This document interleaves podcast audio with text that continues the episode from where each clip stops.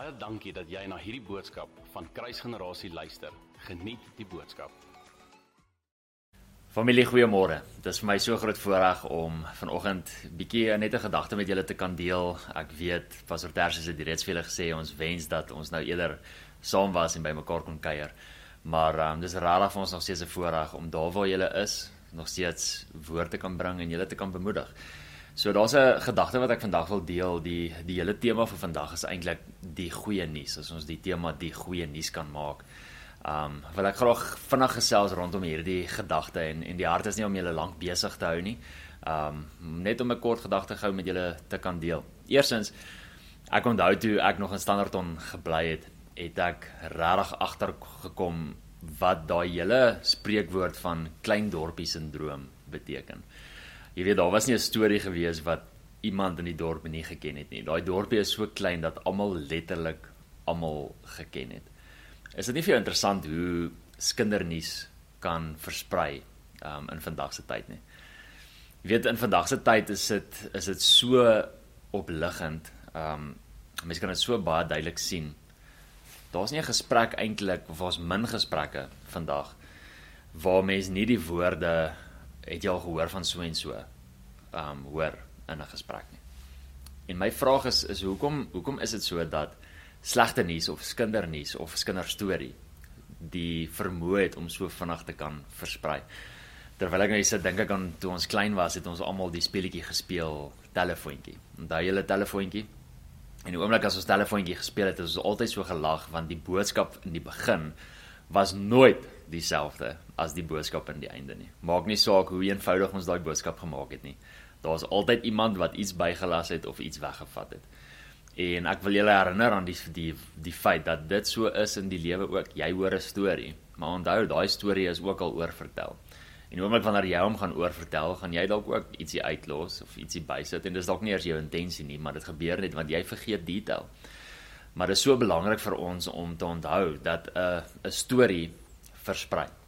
Dink gou aan die aan die volgende. As jy as ek vandag praat oor COVID-19 of die coronavirus, dan kan ons regtig met sekerheid sê dat die hele wêreld, ek weet nie of daar 'n land is, 'n kultuur is, 'n taal is wat nie weet van die koronavirus nie. Nou weet julle dat die koronavirus eerstens bekend gemaak is in 2019 Desember. Um en ons is nou natuurlik in in Julie. Jy weet 20 2021. So in 'n jaar en 'n half se tyd het hierdie boodskap van hierdie virus die hele wêreld vol versprei. In 'n jaar en 'n half se tyd is daar geen taal, geen land, geen kultuur wat nie weet van hierdie virus nie. En, en ek wonder by myself, hoe is dit moontlik dat die boodskap vir hierdie evangelie van die koronavirus so vinnig kan versprei teenoor 'n goeie nuus evangelie van 'n redder wat aan 'n kruis gehang het vir ons misdade en ons sondes en wat tot redding vir ons siele sodat ons vir ewig saam met hom kan lewe. Hoe is dit moontlik dat daardie evangelie wat nou al meer as 2000 jaar oud is, nie so vinnig versprei het soos die boodskap van die koronavirus nie. En ek dink dit is so belangrik om te weet dat 'n boodskap van vrees het regtig die vermoë om vinniger te versprei as 'n boodskap van goeie hoop. Maar ek wil ons vandag herinner aan die feit en die belangrikheid van die saak dat ons het verantwoordelikheid as gelowiges om hierdie boodskap van die goeie evangelie, hierdie boodskap van ons redder, hierdie boodskap van koning Jesus. Ons het die verantwoordelikheid om hierdie boodskap daar buite te kry. Jy weet in die Bybel sien 'n mens dat daar soveel gedeeltes waar Jesus iets gedoen het en dan het daardie storie versprei en dan het 'n hele dorp of 'n hele land of 'n hele gedeelte gehoor van daardie storie. Ek wil graag eh, 'n uh, paar voorbeelde vir vir julle gee. Ek dink byvoorbeeld aan die twee blinde mans wat Jesus genees het in in Matteus 9. Hoor wat staan in Matteus 9 vers 31. Maar hulle het heen gegaan en hom in daardie hele land bekend gemaak. Een ding wat Jesus gedoen het, twee mense en twee mense maak seker dat hy in die hele land bekend gemaak is. Dit klink vir my soos 'n baie goeie positiewe storie wat versprei het. Ek dink aan die vrou by die put in Johannes 4. Hoor wat sê Johannes 4 vers 39. En baie van die Samaritane uit daardie stad het in hom geglo oor die woord van die vrou wat getuig het. Hy het my alles vertel wat ek gedoen het. Is dit nie amazing nie? Die hele stad van Samaria glo in wie Jesus is as gevolg van een vrou wat vir hulle sê wat hy vir weet van wie sy is. Um wat weet wat sy in haar verlede gedoen het, wat weet wie sy is as 'n mens. Daai hele storie, daai hele verhaal het gemaak dat die hele stad van hom van hom weet. Ek dink aan die weduwee weduwee van van Nain wie se seun Jesus uit die dood uit opgewek het. In Lukas 7 vers 16 tot 17 lees ons hierdie en vrees het almal aangegryp terwyl hulle God verheerlik en sê 'n groot profeet het onder ons opgestaan en God het sy volk besoek en hoorie en hierdie woord aangaande hom aangaande Jesus het uitgegaan in die hele Judea en in die hele omtrek. Een ding wat Jesus gedoen het, 'n seun uit die dood uit opgewek het en hierdie boodskap, hierdie goeie nuus het letterlik die hele Judea en die omtrek bereik. Dan dink ek byvoorbeeld aan Johannes die Doper. Ons almal ken al Johannes die Doper. Ons het al 'n paar keer van hom gepreek. Ons weet hy was Jesus se neefie gewees en uh op 'n stadium konfronteer Johannes die Doper vir Herodes as gevolg van die feit dat hy sy broer se vrou opneem en Herodes hou nie van dit wat hy sê nie en hy gooi vir Johannes in die tronk en hoor hoor wat gebeur hier Matteus 11 vers 2 tot 3 en Johannes het in die gevangenis hoor Johannes het in die gevangenis gehoor van die werke van Christus ek meen come on weet jy dat in daai tyd in die gevangenis het daar nie iets was soos TV nie daar was nie iets soos dat hulle pos ontvang het nie die nuus van dit wat Christus gedoen het was so wyd versprei dat dit selfs mense binne in 'n gevangenis raak en dat hulle dit hoor. Jogg, dit klink vir my soos goeie nuus wat gedeel word.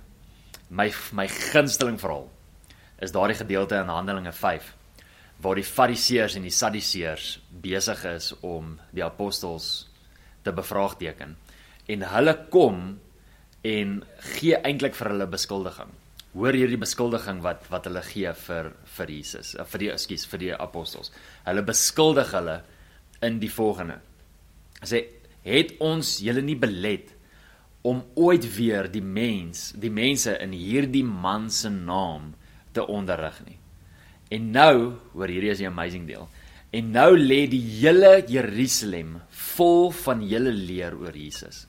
Jesus, wat 'n beskuldiging. Wat 'n beskuldiging van die Fariseërs en die Sadduseërs en die Hoëpriester in hierdie tyd. Dis 'n amazing beskuldiging om te dink dat hulle leer, dit wat hulle leer van wie Jesus is, is die hele Jerusalem vol. Familie, dink aan die volgende. Dink as dink as die leer van Jesus Christus, dink as die evangelie boodskap van Jesus Christus, dink as die boodskap van Jesus die hele Middelburg vol lê. Dink as daar nie een persoon is in Middelburg wat nie weet wie hy is nie. Dink as daar nie een persoon in Middelburg is wat nie weet wat hy gedoen het nie en hoe hy ons kom vrymaak het nie en hoe hy letterlik gekom het vir genesing, vir vrymaking, vir deurbraak, vir voorsiening, wie hy is as koning. Dink as die hele Middelburg nie kan hoor van hierdie boodskap nie. Die apostels het dit reg gekry. 12, 12 maande het dit reg gekry. Dink as ons as 'n gemeente opstaan en besluit, ja, ek is nou so 'n bietjie moeg om te gesels oor die koronavirus en al die getalle. Ek is nou 'n bietjie moeg om te gesels oor die level 4 en die level 3 en wat so plek ons ook al is en al die regulasies en al die goedjies. Ek kies eerder om so 'n bietjie positief te gesels. Ek wil vandag eerder kies om te gesels oor my redder, oor dit wat hy gedoen het in my lewe. Familie, daar's 'n 'n laaste gedeelte wat ek met jou wil deel. En dis 'n gedeelte wat wat ons almal as 'n familie eintlik ongelooflik goed ken. Want ons het al 'n paar keer hieroor gepreek en die Here het al 'n paar openbarings vir ons gegee uit uit dit uit. Maar dis die gedeelte in Matteus 9 van die vrou wat gelei het met die probleem van bloedvloeiing. Kan ek kan ek dit vir ons lees? Matteus 9 vers 20 sê die volgende: sê en daar het 'n vrou wat 12 jaar lank aan bloedvloeiing gelei het, van agter gekom en die soem van sy kleed aangeraak. Laat my dink aan daai liedjie wat ons altyd gesing het in die ou Pinkster koortjie. I touched the hem of his garment. Daai hele daai sang. So amazing, so amazing geleentheid hierdie gedeelte hierdie. Vers 21 sê, hoorie, want sy het by haarself gesê: As ek maar net sy kleed kan aanraak, sal ek gesond word. Dis dis vir my so amazing gedeelte. Weet jy dat op hierdie stadium nog niemand gesond is, nog niemand het genesing gekry deur aan sy kleed te vat nie. Hier loop Jesus deur 'n skare. Die mense is letterlik besig om om hom te drom. Daar's klomp mense wat wat aan hom raak, daar's klomp mense wat aan hom stamp. Ek weet van selfs van die disippels wat aan hom geraak het in tye. En weet jy dat in die evangelie nêrens vind 'n mens dat enige iemand gesond geword het van hier van van die feit dat iemand aan sy kleed geraak het nie. My vraag is wat het in hierdie vrou se gemoed gebeur? Wat het in hierdie vrou se lewe gebeur dat sy die guts gehad het om daai statement te maak? Het julle gehoor wat het sy gesê? Sy het by haarself gesê: As ek maar net sy kleed kan aanraak, sal ek gesond word. Dis vir my so amazing statement. Weet jy dat sy die openbaring gehad het dat as sy aan sy kleed gaan raak, dat sy gaan gesond word en sy het gereageer op hierdie openbaring. Met ander woorde, sy het nie net die openbaring gehad nie, maar sy het haar geloof in hierdie openbaring in aksie geplaas. En hoeveel keer het ons dit nodig as kinders van die Here om in om aksie binne in ons openbaring te sit? Ons almal het 'n openbaring van Jesus. Ons almal weet wat Jesus kan doen. Ons almal het 'n openbaring van wie hy is. Dink as ons aksie plaas rondom dit wat ons weet van wie hy is. Dis letterlik wat hierdie vrou gedoen het. Nog nooit van tevore nie. Sy het nie 'n 'n voorbeeld gehad nie. Nog nooit het iemand vir haar gewys doen dit nie. Daar was nie 'n suksesverhaal gewees op hierdie stadium wat vir haar gesê het as jy dit gaan doen, dan is dit wat gaan gebeur nie. Sy het in geloof uitgestap en sy het besluit dit is wat sy gaan doen. Maar familie, dit is nie vir my die mees amazingste deel nie. Julle wat is vir my die mees amazingste deel? Die mees amazingste deel is ons is nou in Matteus 9. As 'n mens blaai na Matteus 14 toe, dan lees 'n mens 'n interessante gedeelte. Ek wil dit graag vir jou lees. Matteus 14 vers 34 tot 36. Hoor gou. En hulle het oorgevaar en in die land Genesaret gekom. En die manne van daardie plek het hom herken en daar en in daardie hele omtrek uitgestuur en almal wat ongesteld was na hom gebring. En hoor hier is die amazing gedeelte. En hulle het hom gesmeek dat hulle net maar die soem van sy kleed mag aanraak. En almal wat dit aangeraak het het gesond geword. Familie weet weet jy wat het ons nou net gelees? Ons het nou net gelees hoe een desperate vrou se aksie gemaak het dat daar 'n reaksie was in iemand anders se hart. Gemaak het dat iemand anders dieselfde wil doen want dit het gewerk vir haar.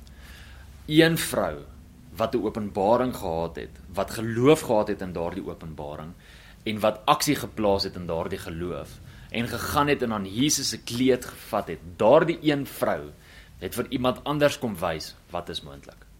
En hier kom Jesus binne in 'n ander dorp En die oomblik toe hy in daardie dorp ingaan, herken die mense hom, maar behalwe vir dit, behalwe vir die feit dat hulle hom herken het, het hulle al 'n storie gehoor.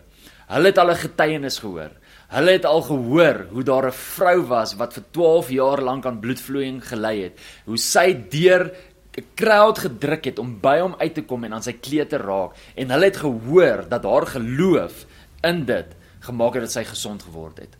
Daai hele getuienis het hierdie mense in 'n ander stad bereik en as gevolg daarvan het hulle die vrymoedigheid gehad om Jesus te vertrou vir dieselfde. En dit is wat gebeur het. Hulle het hom gesmeek, Here, kan ons dit doen? En die woord sê en daar het baie mense gesond geword. Met ander woorde, hulle het dit gedoen. Hierdie vrou het uit desperaatheid vir mense kom wys wat is moontlik.